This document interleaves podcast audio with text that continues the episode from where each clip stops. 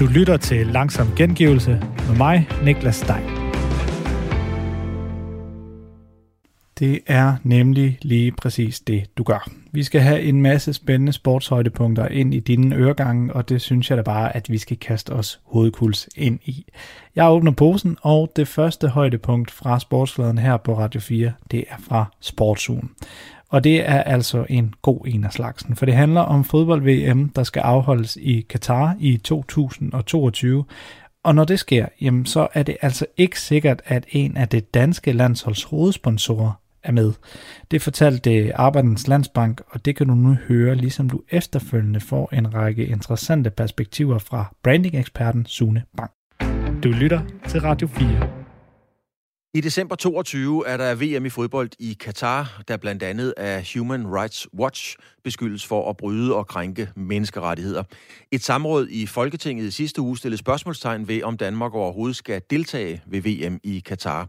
Og sideløbende med det, så meldte Skoda efter næsten 30 år som sponsor for ishockey-VM ud, at bilfabrikanten ikke ville lægge navn og logo til et VM, der skulle afholdes i Hvide Rusland, der er tynget af politisk uro og et af de sidste diktaturer, i hvert fald i den her verden. Nu skal sponsorerne for det danske fodboldlandshold så tage stilling til, om de vil lægge navn, logo og goodwill til en slutrunde i Katar. En af hovedsponsorerne er Arbejdernes Landsbank, og der er Peter Forlund, branding- og kommunikationsdirektør. Peter Forlund, hvad er det for nogle overvejelser, man gør sig i Arbejdernes Landsbank i forhold til en eventuel deltagelse i Katar? Jamen altså, vi gør os jo selvfølgelig, øh, ligesom alle andre, øh, tror jeg, øh, også nogle overvejelser. Der, jeg, jeg tror ikke, der er nogen, øh, der synes, det er en god idé, at der er en slag, øh, og det gør vi heller ikke. Øh, og det er selvfølgelig noget, som man øh, som ansvarlig virksomhed skal forholde sig til, og det, øh, det, det går vi lidt og tænker over i de her tider, hvordan vi skal gøre. Hvad er sådan helt præcist øh, Arbejdernes Landsbanks største bekymring i at deltage i Katar? Jamen altså, man kan selvfølgelig øh, sådan helt øh, åbenlyst sige, at øh, altså, der er jo ingen, der synes, den, øh, tror jeg, slutrunde skal ligge der. Og det gør vi heller ikke. Og at være en del af hele det setup og den, hvad skal man sige, kæmpemæssige markedsføringsplatform for, for, for slutrunden, altså det, det, det, ønsker vi selvfølgelig, det ønsker vi selvfølgelig ikke. Så, så, så det er sådan en, Øh, at være en del af. Så det er sådan en, en, en, en, en, en kedelig ting at blive associeret med. Øh, men, men jeg synes også, det er vigtigt at sige, at øh, altså, vi, jo, vi kommer jo med som samarbejdspartner til DBU, og øh, altså, øh, vi har et langt, godt samarbejde med DBU øh, på rigtig mange områder. Så det der med bare at sige, at fordi der er VM i Katar, så kan vi ikke sponsorere øh, DBU. Det er jeg ikke sikker på, at jeg synes, casen øh, i sig selv kan bære. Men, men det er klart, at vi, vi kommer til at tænke over, skal vores logo være på tøjet? Øh, øh, hvordan skal vi øh, bruge øh, den øh, slutrunde? Skulle Danmark kvalificere sig? Hvordan skal vi så bruge den? Øh, eller rettere ikke bruge den? Så det er da noget, øh, der fylder øh, rigtig meget, og som vi øh, kommer til at forholde os til. Nu sagde du selv, at det der med at blive associeret, man har et udtryk på amerikansk eller engelsk, der hedder guilty by association. Øh, I er vel guilty by association, bare ved at, at være med på en eller anden måde i Katar? Ja, det er vi, og, og, og det, det er negativt øh, at være det, øh, og, og det er også det, som, som, som vi siger, altså, vi vil gerne støtte dansk fodbold, vi vil gerne være med til at sikre DBU-midler til at udvikle fodbolden i Danmark. Så er der en slutrunde i Katar, som landsholdet skal deltage i måske. Og, og, og det er jo så den, vi ikke vil bruge som platformer. Og, og, og så synes jeg, det der guilty ved association, så synes jeg måske i virkeligheden, det, det ændrer sig lidt. Altså vi, vi har ikke, altså hvis vi øh, vælger ikke at have logo på, for eksempel på tøjet, og jeg ikke vælger at bruge det aktivt, så, så synes jeg ikke, den association er, er så stor, så, så den skal, hvad skal vi sige, koste alt det gode, den støtte, vi giver DBU, øh, gør i Danmark øh, i alle andre sammenhænge end lige præcis, når der er øh, slutrunde i Katar. Peter Forlund, nu, nu nævner du selv, hvis der ikke er logo på, er det en konkret overvejelse, man gør sig i Arbejdernes Landsbank, altså ikke at vise, ikke at være med med logo i Katar? Ja, det er en konkret overvejelse, men der er jo, der er jo lang tid til, så, så, så vi har ikke uh, truffet den endelige beslutning, men, men vi, vi tænker meget over, hvordan, uh, hvordan uh, hvad hedder det, vi skal, vi skal takle hele den her problematik, og, og det er ikke at være en del af, af, hvad skal vi sige, det synlige billede dernede. Det er så absolut en af de elementer, vi kigger på. Bare sådan, så jeg forstår det rigtigt, fordi jeg har jo også en økonomisk, kommersiel kontrakt og aftale med Dansk Boldspilunion. Vil det så sige, at man stadigvæk overholder sine økonomiske forpligtelser, men vil bare ikke have logoet med? Ja, det vil det gøre. Det vil det gøre. Altså, det, det, det, det er sådan øh, mit umiddelbare svar på dit spørgsmål. Det vil det gøre, ja.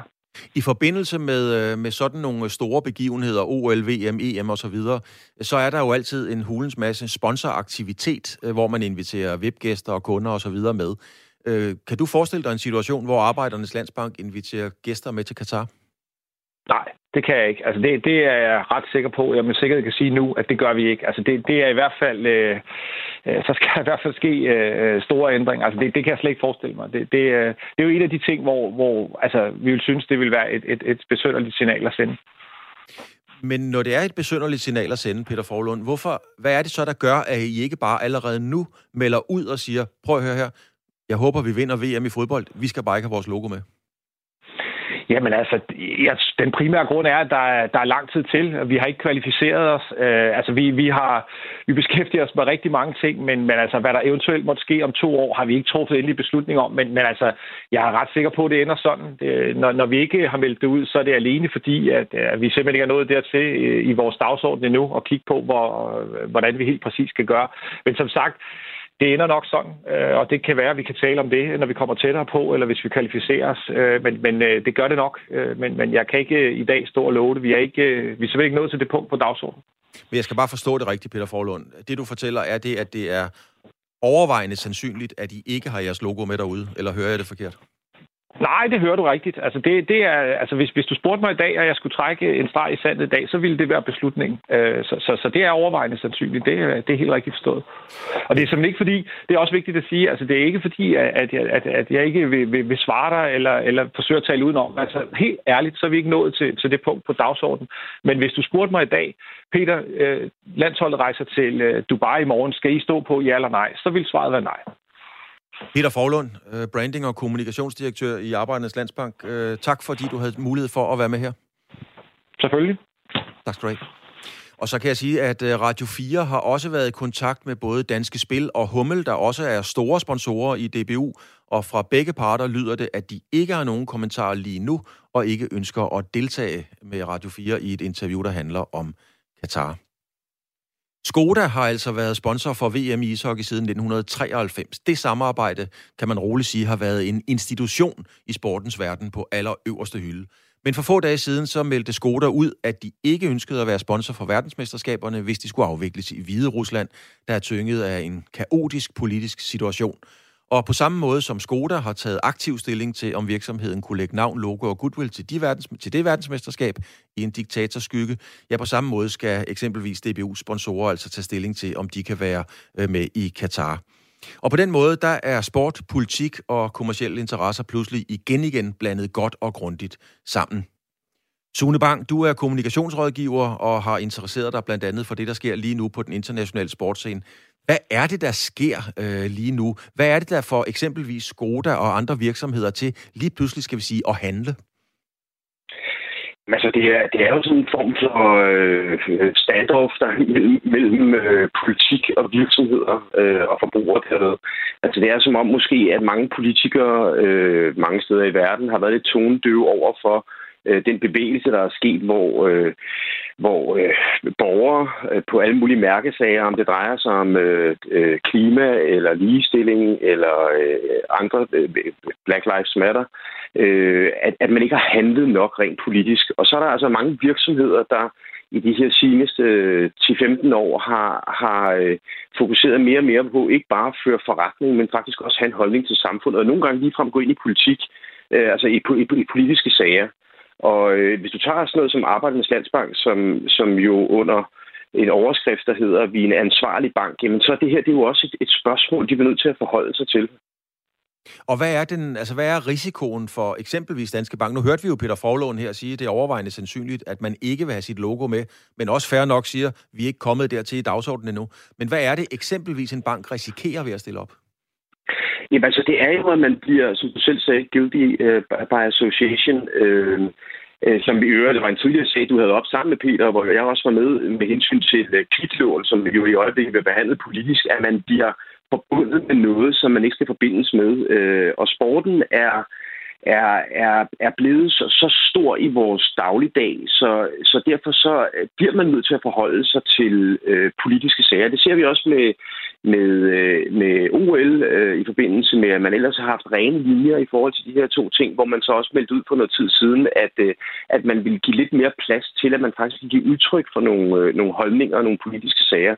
Og hvis man så pludselig bliver øh, forbundet med et land, der af alle øh, menneskerettighedsorganisationer, og også øh, for den sags skyld øh, vores egen regering, er blevet kritiseret for øh, fuldstændig urimelige forhold omkring øh, både opbygningen af VM her nu, og alt det, der er blevet bygget, men også rettigheder omkring, øh, øh, hvad hedder det, løn, øh, ligestilling, øh, øh flere lande dernede i øh, de forenede apparater, der, der, der er stadigvæk stening og piskning og alle, alle mulige ting, som vi ikke i vores øh, samfund, vestlige samfund, accepterer, jamen så bliver man jo øh, sat sammen med det.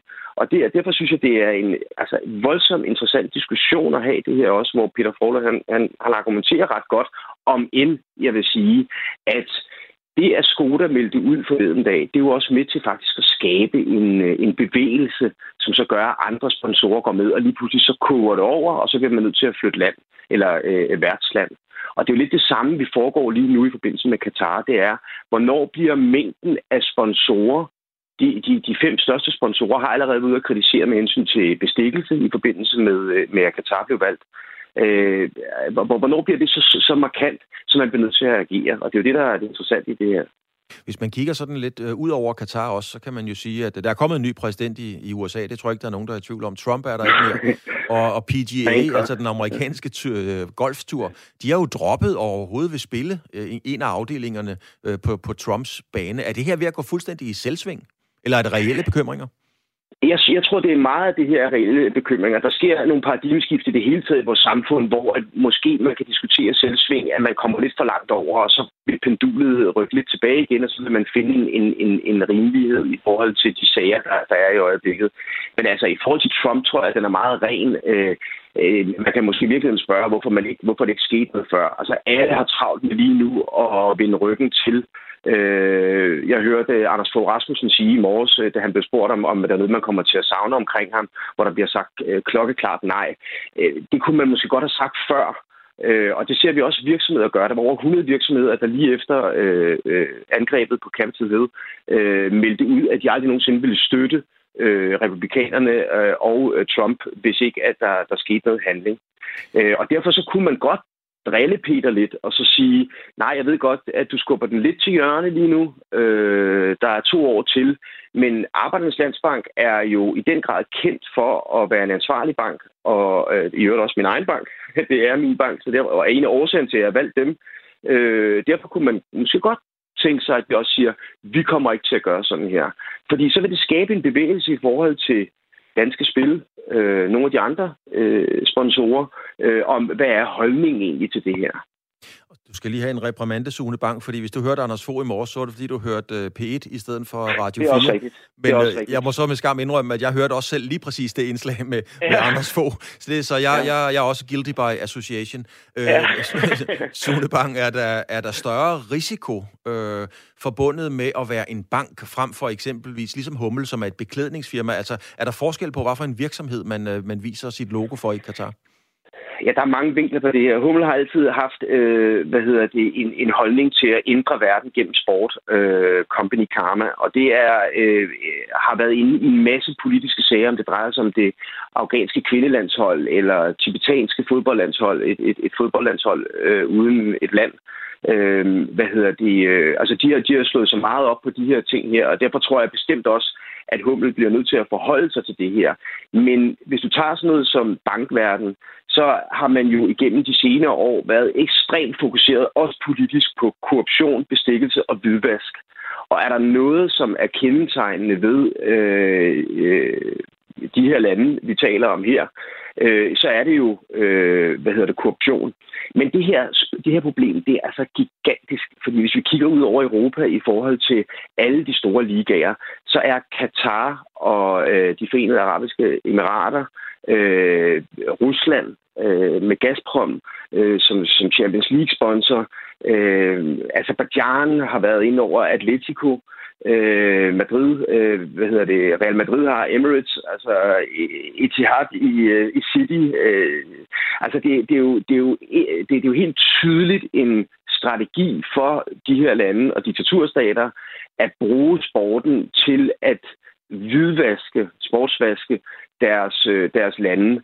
Øhm, og, og derfor så, altså, at man, at man vender det blinde øje til, til, til tortur, øh, ytringsfrihed, politisk forfølgelse, øh, gender, øh, homoseksuelle, der ikke har lov til, altså, det, det, er jo et, det er jo et kæmpestort problem. Og der er det altså virksomhederne, fordi de her store politiske organisationer har svære ved at, at dele med det, så er det altså øh, virksomheder, der, der, der kan gå foran og så sige, det vil vi simpelthen ikke være med til. Så lige øh, til sidst, øh, Sune Bang, hvis du blev direkte adspurgt af en virksomhed, hvad vil du så råde, råde den virksomhed til? Altså, hvis, øh, skulle de tage til Katar og vise deres logo? Nej, altså det synes jeg bestemt ikke. Altså jeg, jeg, jeg, synes, øh, jeg synes, der er så, og det, det er bevist igen og igen, og dokumenteret igen og igen, Amnesty og andre steder, øh, at der er så urimelige forhold. Der er ikke nogen, der, der, der er i tvivl om, hvad de oliemilliarder er blevet brugt til øh, at, at give et bedre branding. Og der er, der, der, der er det ikke der er det næsten ikke engang bare guilty by, by association. Der er der altså også et spørgsmål om, at man, at man skal simpelthen vælge side her. Og det er super interessant, fordi virksomhederne kan faktisk påvirke de her ting her. Det var der, der for alvor skete ting i forbindelse med, øh, med VM i ishockey, og det var også der, der for alvor skete ting. Hvor mange dage var det før, at han var nede og, og trykke uh, Lukashenko i hånden? Ja. Altså, øh, det er jo... Det er jo det er money rules, og derfor så skal man sende nogle meget klare signaler der fra virksomhederne. Du har også sendt et klart, et klart signal, kommunikationsekspert, rådgiver Sune Bang. Tak for uh, din analyse af det her. Ja, selv tak. Radio 4 taler med Danmark. Det skal handle mere om fodbold, men ikke så meget om hele det politiske spil rundt om. Vi skal have fat i en dansk succes i London, for i fodboldprogrammet 4 på foden, der fik Jammer i mandags en snak med den danske cheftræner i Brentford FC, og det er selvfølgelig ham, der hedder Thomas Frank. Han har igen gjort Brentford til en overraskende kandidat til en plads i Premier League, og hvordan det er gået til, det kan du blive meget klogere på nu. Du lytter til Radio 4. Vi har en linje igennem til, øh, til London, og nu er jeg så glad for at byde velkommen til uh, Thomas Frank, cheftræner for Brentford FC på telefonen. Hej Thomas. Hej Niklas, alt godt? Alt er godt. Øhm, og hvad, ja, hvad med dig egentlig? Øh, I er jo blevet ramt af, af corona, har jeg kunne læse mig frem til. Der er nogle udsatte kampe og sådan noget. Du er sågar selv blevet testet positiv for en uges tid. Hvordan står det egentlig til med helbredet? Øhm, alt godt, tak. Øhm, jeg tror, jeg har været øh, privilegeret og ikke blive ramt øh, specielt hårdt øhm, i forhold til det. Så jeg havde to dage med influenza-symptomer, øh, ondt i kroppen og hovedpine, men øh, så vågnede jeg op lørdag morgen og så tog jeg bad, så er jeg klar igen. så jeg, jeg tror, jeg har været privilegeret der, øh, modsat nogle andre, øh, der ramte den her forfærdelige virus, der haver over verden. Det er jeg glad for at høre. Thomas, øh, vi skal lige skrue tiden lidt tilbage. Godt og vel fire måneder til den øh, 4. august sidste år. I, øh, I møder Fulham, playoff-finalen til, øh, til Premier League. Det, der også bliver kaldt den dyreste fodboldkamp i, øh, i fodbold. Og I taber 1-2 efter, efter forlænget spilletid. Jeg ved godt, det er lidt ondt af mig at øh, bringe det tilbage til den aften. Øh, du blev spurgt om det mange gange, er jeg sikker på, men øh, var, du må have været skuffet den aften. Ja, selvfølgelig. Det, det er klart. Øh, Uh, man spiller... Altså, jeg kan jo jeg kan sige, for alle involveret stort set den kamp, øh, øh, var det mere eller mindre, altså fra vores side, øh, 100 procent. Øh, fra Fulham, der er det formentlig jeg ved godt, de har også prøvet en oprykningsfinale, så der er en del af dem, der har prøvet det før. Men der er minimum halvdelen af deres tro på trænerstab. Der er det jo den enkeltstående vigtigste kamp i deres karriere. Altså hvis man skal male det øh, ned til det. Øh, fordi selvfølgelig betyder det sindssygt meget for klubben og ens karriere og alt muligt andet, hvis man kan, hvis man kan vinde den. Så selvfølgelig er, er, er skuffelsen øh, enorm øh, bagefter. Øh, men, øh, men man kommer videre, det skal man jo. Altså, solen står op næste dag, ikke? Øh, og, og, og livet går ikke i stå, og verden går ikke i stå. Og det er jo fantastisk. Det er jo det, der gør, at mennesker bliver ved med at gå fremad, øh, og man derefter sætter sig nye mål, og, og vil prøve at opnå noget mere. Men, øh, den niver der, og lad mig da sige det sådan, jeg, den kommer der ikke ud af systemet. Øh, det gør den formentlig aldrig, men øh, den kan forhåbentlig øh, blive sparket lidt til hjørne, hvis øh, det lykkes os at, at, at komme op i fjætter ja, øh, på den tidspunkt. Og det er jo lige præcis øh, det, du er så godt i gang med at gøre nu, og det er derfor, jeg tænker, at øh, du er interessant at snakke med, særligt lige nu. Men og jeg skal nok lade være med at tvære alt for meget ud i den her Fulham-kamp, men jeg kunne så godt tænke mig at vide, hvad i alverden sagde du til dine spillere, da I kom ned i omklædningsrummet efter den her kamp? Jamen, det er jo, altså, man skal jo huske, jeg siger ikke, at jeg altid er rolig på sidelinjen. Jeg er da bestemt også mine udfald, og, og, og har også lavet mine fejl, og kommer til at formentlig at lave fejl fremadrettet øh, igen. Men man prøver jo at være relativt rolig. Men der raser jo bare en orkan af følelser øh, ind i en øh, undervejs i kampen, øh, og undervejs i kampe, øh, øh, og selvfølgelig, selvfølgelig bagefter.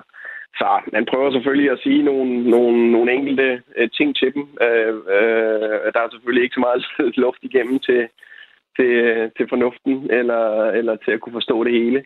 Men, men den klassiske med, at jeg var mega, mega stolt af dem. Altså, vi har spillet en, en, en vanvittig sæson, øh, hvor at i min verden, og hvis du kigger på stats, så var vi næstbedste hold den række af forskellige årsager. Så, så kunne vi ikke øh, gøre det. Øh, vi, vi, vi, det var det helt nyt hold, der var samlet. Vi ender med at være det hold, der har scoret markant flest mål i rækken.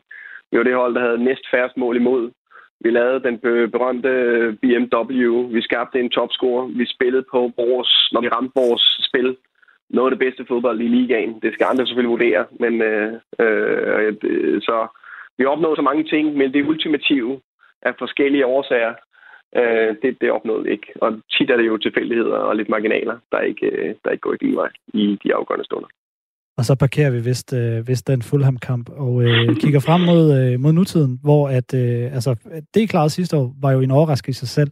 Og jeg, ved, jeg tror alligevel, det var de færreste, der regnede med, at, øh, at de ville kunne blande jer op i toppen, som I alligevel gør nu, igen i den her sæson. Øh, som, det så, som det så ofte er med, med, med hold, der overrasker positivt, så mistede jo også nogle af jeres bedste spillere, altså Ollie Watkins og Said Ben Rama, de røg begge til Premier League. Og øh, og alligevel så er I oppe i toppen igen. I ligger på en fjerde plads og har øh, fire point op til en af de to pladser, der giver direkte oprykning til, øh, til Premier League.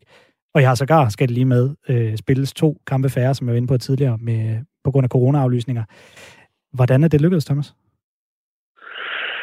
Jamen, en kommunikation... Ja, godt spørgsmål. jeg jeg vil svare på det. Øh, øh, en af grundene er jo, at vi viste øh, sidste år jo et godt hold. Og at vi lykkedes at bevare øh, hele, hele stammen, kan man sige, øh, af, af, af spillerne. Øhm, vi har selvfølgelig mistet de to bedste offensive spillere øh, fra vores hold, øh, og måske også de to bedste offensive spillere i rækken, så det er selvfølgelig et, et, et kæmpe tab. Øhm, på toppen af det, så er vi faktisk spillet ud af den vores, hvis jeg skal rate mine spillere, den, den tredje vigtigste spiller, Christian Nørgaard, han har kun spillet tre ud af de 22 kampe, vi har spillet.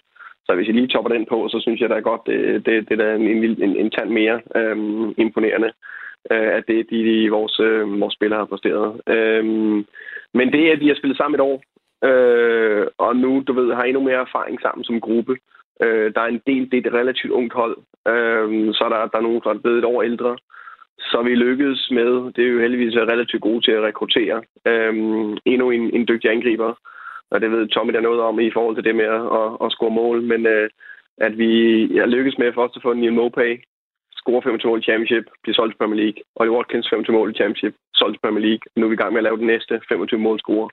Så vi må gøre et eller andet rigtigt som klub i fællesskab alle sammen. Både at få dem ind, og så også få dem udviklet og få dem til at, at blive ved med at score mål. Så det er sådan en blanding af, at det, det hele, vi, vi, vi arbejder, vi er line, klar strategi, vi arbejder videre i samme retning. Øhm, vi har skabt en sindssyg kultur, øhm, og lidt det der selvforstærkende, at, at øh, vi har været sammen i, i, i længere tid, øh, mange folk, det, det betyder noget. Du, du, lyder alligevel overrasket, når jeg spørger, hvordan det lykkedes. Det, du siger, det, det, det er svært at svare på.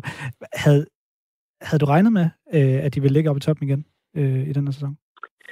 Ej, jeg, jeg, jeg, hvad skal man kalde det, der er ingen tvivl om, at når du kigger igen på klubstørrelser og alt det der historiske, der er vi jo i bund 6.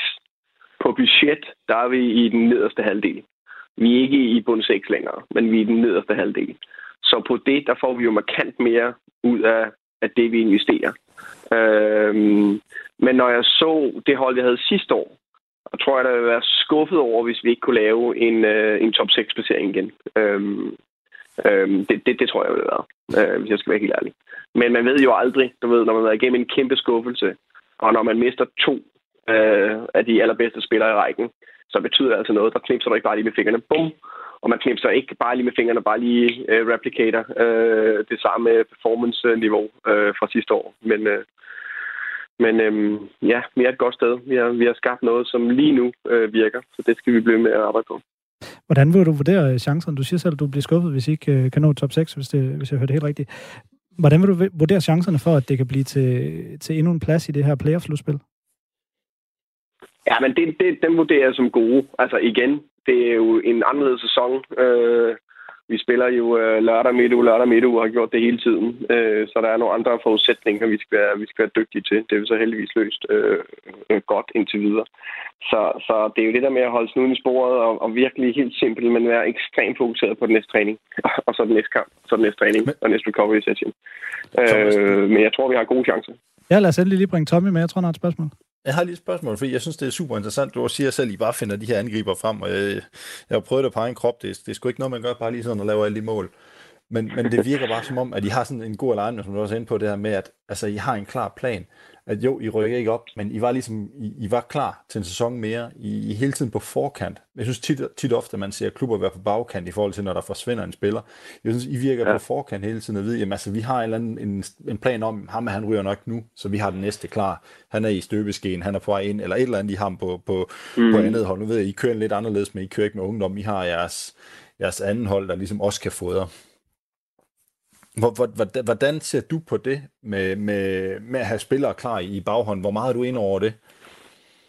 Øh, jamen, øh, igen, altså, først og igen vil jeg ruse øh, hele klubbens organisation. Altså, det er klart, det, det er jo helt fra Matthew Benham, vores ejer jo, som alle ved, er også ejer Smart Odds og Statsene bag.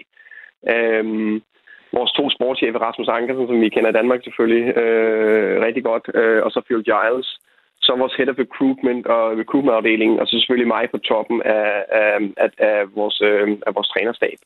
Øh, og alt det, det, alle de personer er inde over øh, og få hentet de spillere, som, øh, som vi henter til klubben. Men det er klart selvfølgelig, til, til allersidst, så skal vi tage en beslutning, og det gør vi altid, altid i fællesskab. Men det er klart, hvis jeg ikke vil spille spilleren, eller ikke kan se ham spille forholdet, så lad mig sige det sådan, så er det meget, meget, meget, meget, meget, meget sjældent, jeg kan ikke huske, det skete nu, at vi henter spilleren ind, fordi jeg skal i bund og grund kunne, kunne lige være se øh, for at spille ham. Men det hele er legnet, og som du siger, vi havde legnet fem angriber op, fordi vi vidste, at Olli ville forsvinde, hvis vi ikke rykkede op. Øh, han var så grædet færdig. Det viser bare lidt om hans commitment, ikke? Så han græd efter kampen, og han græd dagen efter, det kom ind, ikke? Fordi han bare havde lyst til at spille Premier League med os. Nu gør han det heldigvis godt for Villa, men, øh, men det, det er noget af det, vi også er, er, er rigtig skarpe på i forhold til karakteren øh, i den enkelte spiller. Altså, øh, øh jeg, jeg kan jo meget tit flere gange, at det er no dickheads policy. Ikke? Altså, vi vil kun have gode personer, øh, der vil fællesskabet. Øh, så det er vi meget, meget øh, store på. Men i forhold til angriberen, som du siger, Tommy, der er vi helt, helt, jeg er helt afklaret på, hvad vi vil have. Altså, det skal være nogen, som er pisse dygtige i boksen, og det er én ting. Men der er nogle helt gængse principper, hvor de skal arbejde på den sidste linje af nogle områder, de skal, de skal ramme øh, som jeg er virkelig, virkelig hård på, øh, de skal. Selvfølgelig skal der en eller anden form for link-up-spil, og så skal de kunne presse. Altså sådan de tre vigtigste ting, og så er der selvfølgelig andre, andre ting, de skal, de skal kunne. Thomas, du nævner du selv lige uh, Ollie Watkins. Uh, jeg tror lige, der kom lyd derovre. Det ved jeg ikke lige, hvad det var, men det skal ikke, øh, det skal ikke bringe mig helt ud af fatning. Du nævner selv Ollie Watkins, uh, som jeg også selv nævnte tidligere, og han er jo uh, kommet videre fra jer. Han, han havde ikke noget kæmpe CV, inden han kom til jer. Øh, også der i midten af 20'erne, hvis jeg ikke husker helt forkert. Så det er jo en, der virkelig har taget springet hos jer. Øh, har spillet 15 Bundesliga, eller undskyld, Premier League-kampe og scoret 6 mål. Ganske udmærket for et hold som Aston Villa. Villa. Øh, hvordan ser du, øh, når du har været med til at løfte en som hans karriere, hvordan er det at se ham i Premier League nu? Nej, men det er selvfølgelig, altså, øh, vi vil helst gå derop selv som hold og klub, ikke? Men, men det, er det er super tilfredsstillende, at vide, at det vi gør undervejs er med til at udvikle nogle spillere, som vi føler også er en del af vores, øh, vores strategi, som forhåbentlig kan spille med på, på øverste niveau øh, i verden. Øh, måske det bedste niveau i verden øh, i, i Premier League. Øh, og så er der nogen, vi, vi følger tæt og, og kigger efter, øh, og kan se, at de kan begå sig derop. Så det, det betyder rigtig meget for os.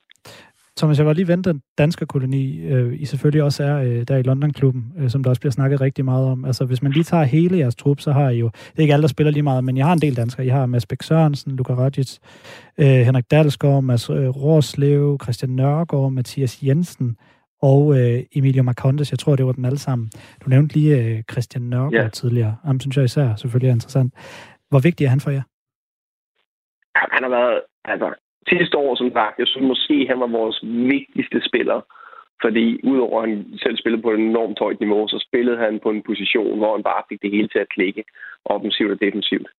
Øh, øh, så, så han er, han er en, en, en sindssyg spiller, hvor han også han er så dygtig i det på bolden og spiller bolde fremad på en og to touch og på brydninger, øh, men også så dygtig det defensive, hvor han virkelig har altså et, et, et højt, højt defensivt niveau, hvor han bryder mange bolde og vinder mange bolde og altid står i vejen de rigtige steder. Øh, og så altså for mig at se, er han en, et, et kæmpe, kæmpe leder ledertalent øh, øh, fremadrettet. Så den er et stort tab, vi faktisk har skulle undvære ham, og, og det bliver forhåbentlig et løft og et boost, når han kommer tilbage til holdet her i, i, øh, i midten af februar. Og så sådan et rigtig klassisk spørgsmål, øh, for lige at, at få rundet ham af. Hvor stort er Christian Nørgaards potentiale? Jeg synes, det er stort. Jeg tror, hvis I, det gjorde, jeg vil formentlig slå Danmark øh, kamp mod England. Øh, der synes jeg, han spiller en rigtig flot kamp på, på sektorpositionen. Øh, hvor man virkelig tænker, okay, det, det, er altså, det er så stærkt. Fordi der er nogle ting, du ved, man kigger lidt, hmm, er han mobil nok? Kan det ikke stor nok område? Og vender han lidt for langsomt osv prøv lige at kigge på Busquets for Barcelona og det spanske landshold. Han har da gjort det meget godt. Og Roderick for, for City. Lidt samme typer.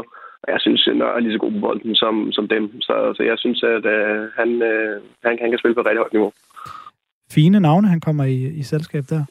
Øhm, jeg siger ikke, at han kan nå helt derop, men uh, jeg siger bare, at når man kigger efter dem, de også har lidt udfordringer, så skal man lige huske, at uh, de kommer med andre ting også. Ikke? Men uh, lad, os, lad os da håbe, at han kan komme derop af. Det vil jeg, det vil jeg elske. Naturligvis. Og Thomas, her, her til sidst, øh, og grunden til, at øh, vi selvfølgelig gerne vil snakke med dig, øh, er jo fordi, vi snakker en del om trænere i dag, og det gør vi især om danske trænere på baggrund af, at, øh, at, at de gør det godt derude. Øh, vi har snakket en del om Bo Svensson også, som lige er blevet Bundesliga-træner øh, mm. derude. Og øh, noget, jeg har allerede stillet mit panel og, og kendt Heiner Møller, som vi også havde igennem tidligere, øh, spørgsmålet om, hvorvidt øh, tit, når, når danskere gør det godt i udlandet, tænker man, øh, så siger man, at det baner vejen for de næste. Er det også noget, øh, du oplever, fordi du gør det godt, at der, kan, at der er større efterspørgsel efter danskere? Uh, uh, det, det, det ved jeg jo ikke. Det er ikke helt, det, det ved jeg jo ikke. Det håber jeg. Uh, for jeg synes uh, i den grad, vi har meget at, at give. Uh, må jeg også glad for, at jeg havde kendt inden, uh, som jeg også kender godt. Uh, at, at, at noget af det, nu er han jo selvfølgelig lige taget over til Peter Rodbæk, men noget af det, som jeg synes generelt er, at danske træner, vi er jo et videnssamfund generelt, men jeg synes også som fodboldtræner, jeg synes, vi, er, vi, er, vi har fået en, en god uddannelse. Øhm, og jeg synes, vi har en, en, en, en, en stærk grad af mangfoldighed og pragmatisme øh, i, i blandt trænere og, og nysgerrige og vidne vil gerne hele tiden være øh, lære mere, komme kom på næste niveau. Så jeg håber da bestemt, at der er andre, der, øh, der har lyst til at, øh, at, at tage fat i nogle af os, øh, som, som, som, eller ikke ja, nogle af os, men tage fat i andre, når de kan se, at nogle af os danskere har gjort det fint. Også IS2 gjorde det godt i, i Belgien, ikke? Øh, og, øh, og det, at Johan Lange er, er ude som, som dansk sportschef, og Mads Davidsen også er ude nogle år, øh, det, det betyder jo noget. Så der er altså mange dygtige danskere, som jeg er slet ikke i tvivl om, når jeg kigger på niveauet og hvad jeg oplever herover så er der altså mange, der kan gøre det rigtig godt, øh, som, øh, som, som jeg kender. Så det håber jeg bestemt, at det kan, det kan være med til at gøre det. Mange tak, øh, Thomas. Altså Thomas Frank, cheftræner i Brentford FC. Held og lykke med, øh, med missionen i øh, Championship over i England, og, og god bedring. Ja, tak skal du have. Ha' det godt. Vi ses. Hej. Mm, hej. Radio 4 taler med Danmark. Vi tager lige en lunds mere fra fire på foden, for grunden til, at Thomas Frank var med, det var selvfølgelig, at der var tale om et større fodboldtema om fodboldtrænere. Her der skal du så høre lidt om de to gæster, Tommy Beckmann og Mads Asen, og deres erfaringer med de trænere, de har haft i løbet af deres respektive karriere. Du lytter til Radio 4. Men er det så, er det så vigtigt for en, øh, for, en, for en spiller, at træneren, du har, har været, træ, øh, eller har været spiller tidligere, for at han kan forstå dig? Øhm, efter min mening, nej. Øhm, vi har på der, nu har nuværende tidspunkt også en rigtig, rigtig dygtig assistenttræner, som også har været ved rådet, Rasmus Bertelsen. Øh, nu skal jeg ikke tage helt fejl, men jeg kunne ikke forestille mig, at han har haft en fin, fin uh, seniorkarriere, udover måske et par, par evige i ude i Lystrup, hvor han, hvor han bor. Øhm, øh, det, jeg synes mere, at det handler om, hvor kompetent man er. Altså, hvordan man arbejder i dagligdagen, hvordan man, øh, hvor seriøs man er. Øh, det, det, det, det, det, det kan jeg bedre... Det, det tror jeg nemmere, spillerne kan relatere til. Og så vil jeg også lige, det bringer mig nemlig rigtig fint over til, til dig, Tommy, for du har haft en komplet modsatte, altså i den her øh, kategori med trænere, som ikke rigtig har været spillere på højt niveau. Og der tænker jeg selvfølgelig på Jakob Mikkelsen. Øhm, Tommy, Jakob Mikkelsen øh, var en stor succes øh, med jer i Sønderjyske i vandt sølv. Øh, hvad var han god til? Jamen, jeg synes, noget af det, noget af det Jacob han kunne, det var, at... Altså, jeg, jeg, hvis jeg fortæller historien lidt, så kan jeg sige, at den, den, dengang han blev ansat, der tror jeg, han var 35, jeg var 34. Jacob havde aldrig øh, spillet fodbold på, på noget, der kunne minde om et højt niveau. Og selvfølgelig sad jeg der med en eller anden form for skepsis, da han trådte ind i, øh, ind i, ind i rummet i, i lokal for første gang, hvor jeg tænker, hvad fanden skal han lære mig? Altså der, har, der, der vil jeg sige, der tror jeg måske, man som fodboldspiller godt kan have en indbygget øh, skepsis, fordi at han har været træner i Skive. Det er ikke, fordi han kommer med en eller andet stor CV, hvor jeg tænker, at at, øh, at, at han har en masse ballast med. Men, men meget af det for mig, det, det handlede om, det var også et spørgsmål om at sælge en plan, og de idéer, han kom med, og viser, at han er engageret, han er dygtig, han har nogle klare linjer, hvor han vil hen, og hvor vi, hvor vi skal hen af som, som, som hold. Og det havde han med det samme, og der skal jeg blandt erkende, der tog han mig, som, mig med storm, og, og, og, og var en dygtig øh, leder for holdet, og en dygtig træner. Øh, jeg synes, noget af det, han var rigtig dygtig til, det var også det at uddelegere og give ansvar. Øh, Jakob stod for, for træningen, Jakob stod for taktikken, han stod for alt det overordnede.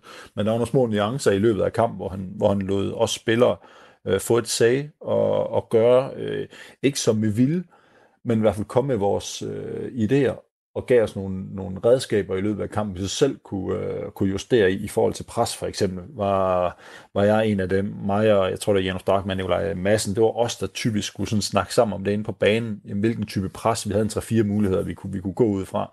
Fordi som man sagde som træner, kan det også være svært nogle gange at stå udefra og vurdere følelsen inde på banen. Det kan godt være, at han stod, øh, Jacob nogle gange sagde, han stod på, på, på sidelinjen og sagde, at det var, det var, det var svært at, at se, at, at se på, fordi han synes ikke, det lignede, vi var under kontrol, hvor vi inde på banen sagde, at vi havde fin kontrol, vi følte ikke, at de, de modstandere var fejl på noget tidspunkt, det hele var egentlig, vi havde det, som vi gerne ville have det, og andre gange var det mod, med modsatte fortegn.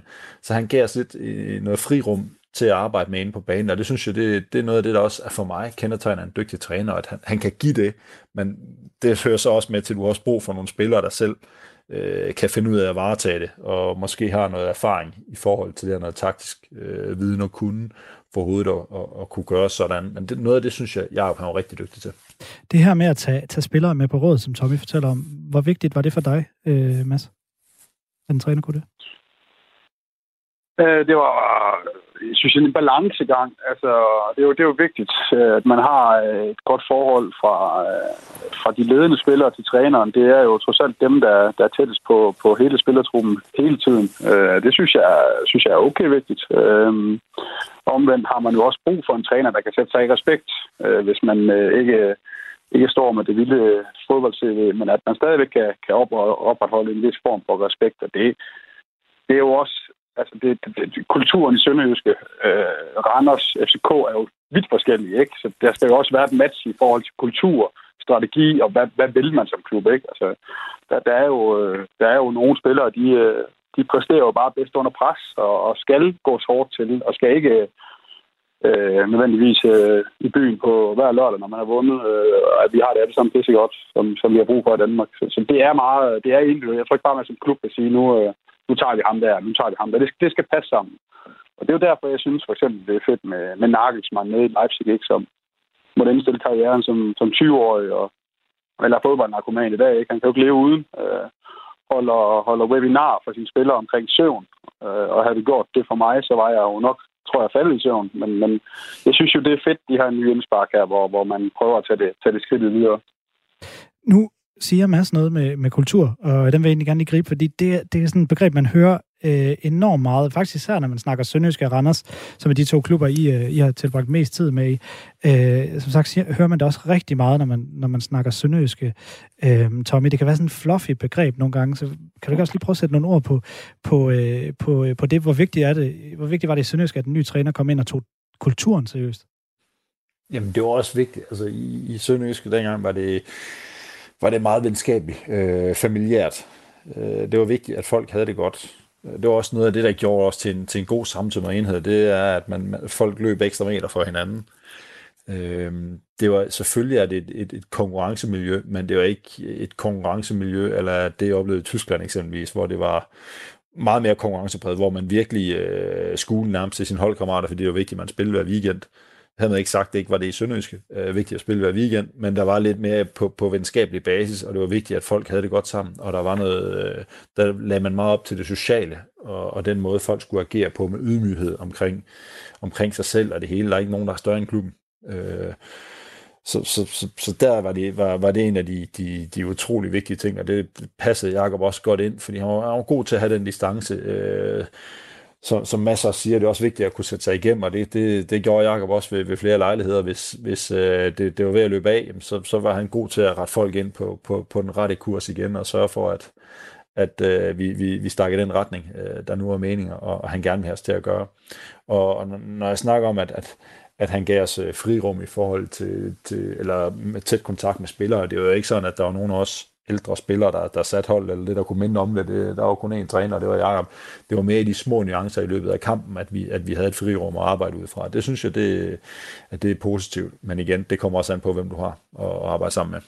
Men er det, er, det, er det så anderledes i en fodboldklubben, for eksempel på, på, øh, på en hvilken som helst arbejds, anden arbejdsplads. Man kan sige, der findes kultur overalt. Men hvorfor er det, at man lige snakker så meget om det i, øh, i fodbold, tror du, Tommy? Jamen, jeg tror, det er fordi, at i Sønderjysk har det været det, der lidt har, har båret klubben frem øh, længe, at man har haft en, en, en, en, en arbejderkultur med, med hovedet nedad, og så løber vi afsted og arbejder hårdt. Øh, det er noget af det, der har båret klubben frem til, hvor den er i dag, at, at øh, ligesom Thomas Frank var inde på, med, med, med et lille budget, så kræver det nogle andre ting, end at du kan ikke bare tage de bedste spillere og, og så håbe på, at du vinder. Altså, så må du finde nogle andre ting at, at blive dygtig på, og så var det, en, var det måske en kultur, der er et eller andet sted er gratis på mange punkter. Øh, kultur er, er utrolig svært at opbygge, men meget, meget let at nedbryde. Så det er også noget, man, man har været meget, meget ops på, og jeg tror også, det er derfor, det blevet snakket så meget om det, fordi man har været ops på, på det, fordi man ved, hvor, hvor svært det er at opbygge.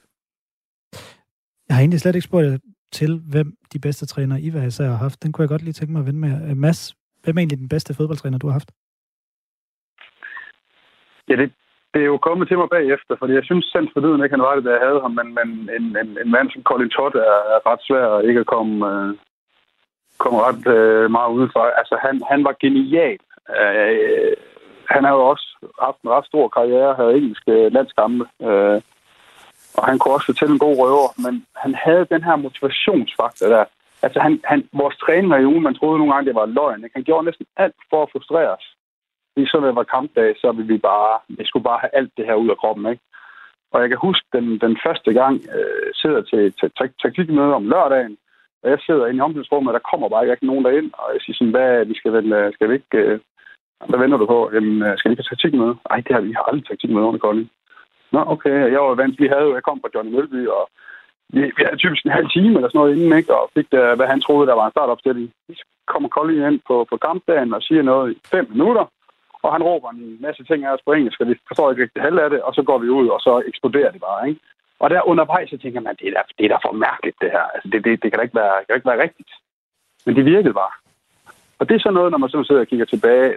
Han, han, han, han var genial. Altså det, man synes det ikke undervejs, men han kunne bare nogle ting, som, som, som man ikke bare lige kan tillære sig, som i hvert fald tror jeg, dansk træner kan. Hvordan var det med ham, da han kom ind? Han, han kom jo til gengæld, nu har vi snakket lidt om det der med respekten, øh, man kommer med.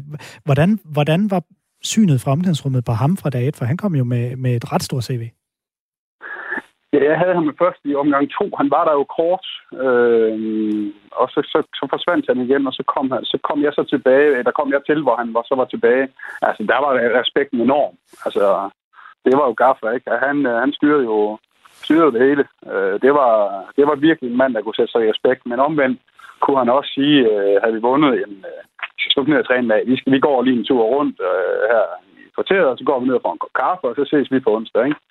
Altså, det var bare sådan, hvor man tænker, det kan jo ikke være rigtigt, man. Vi skal jo ned og træne. Men, men han havde så god en fornemmelse af, hvad vi har brug for hele tiden, uden at vi selv vidste det.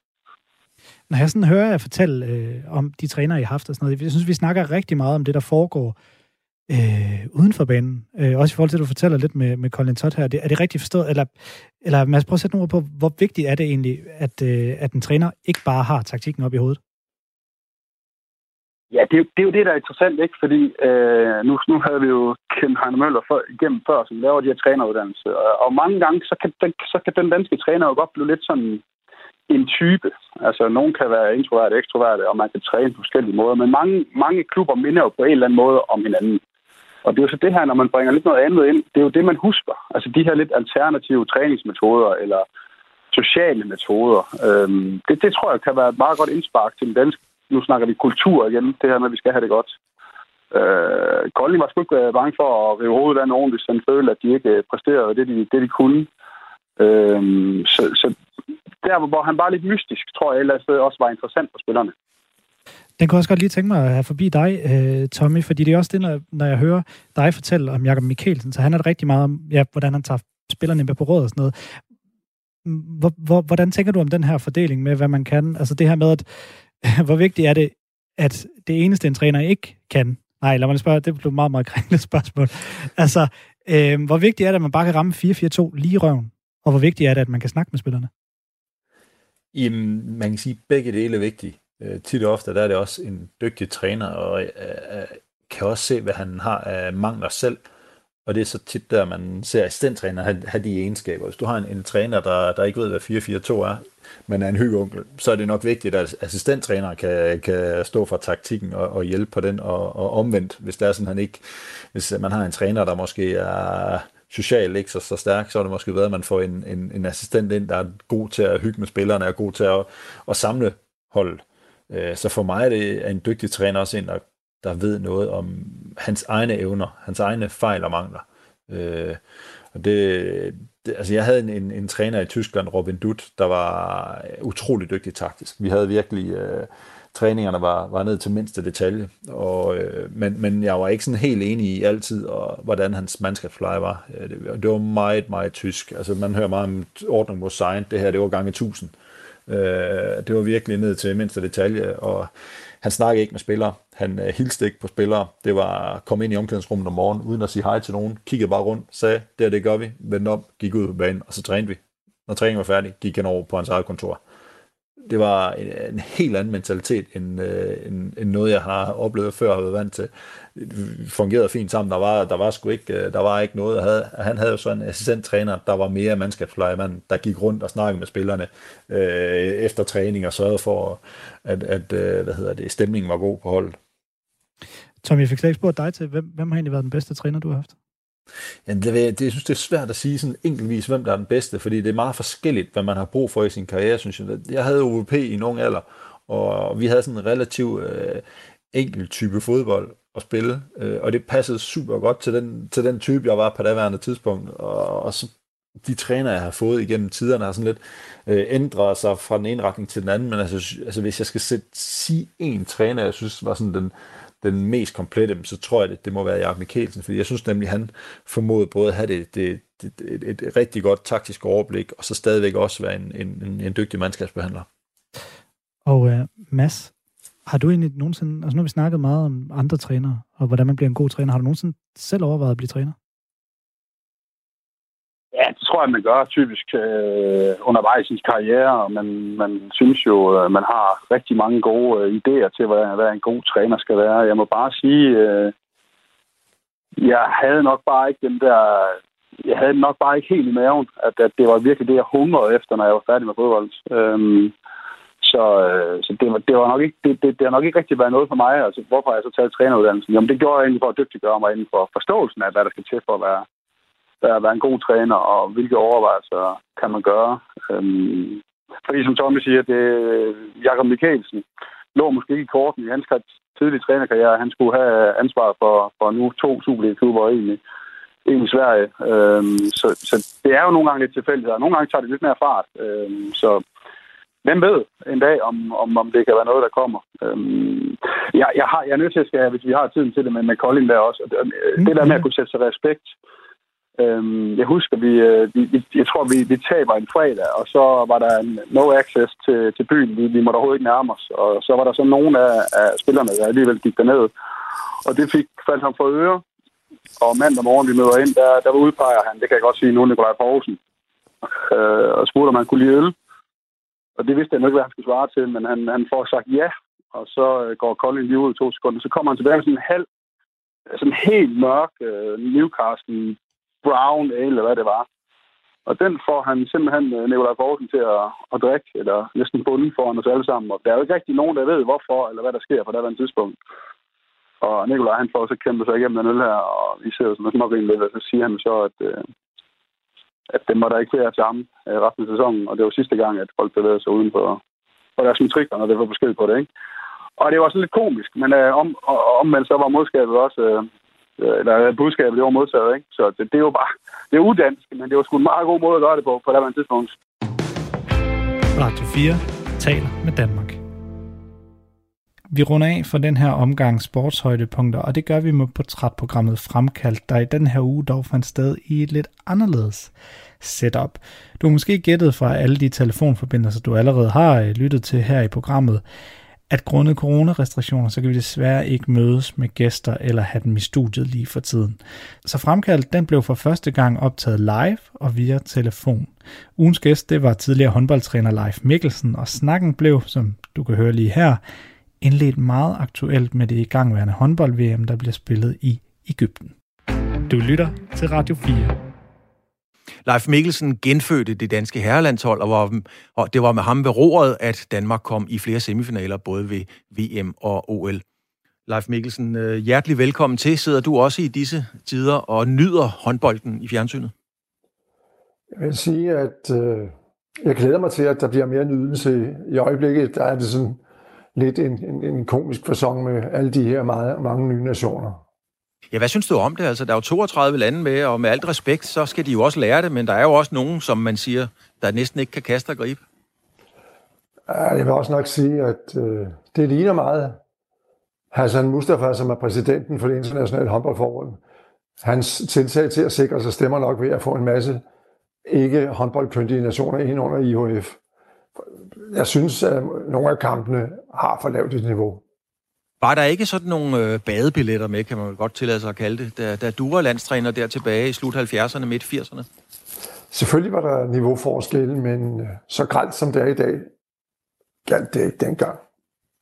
Men hvordan, Leif, har du det med at sidde og se det? Når jeg spørger, så er det fordi, at det er ikke så lang tid siden, jeg talte med øh, Annette Hoffmann, og Annette fortalte mig, at øh, hun så ikke så meget håndbold. Hun har slet ikke været en håndboldhold, siden hun selv stoppede med at spille, fordi det var ligesom et overstået kapitel. Så det er ikke sådan til synligheden en naturlig ting, at man bare sidder og følger med.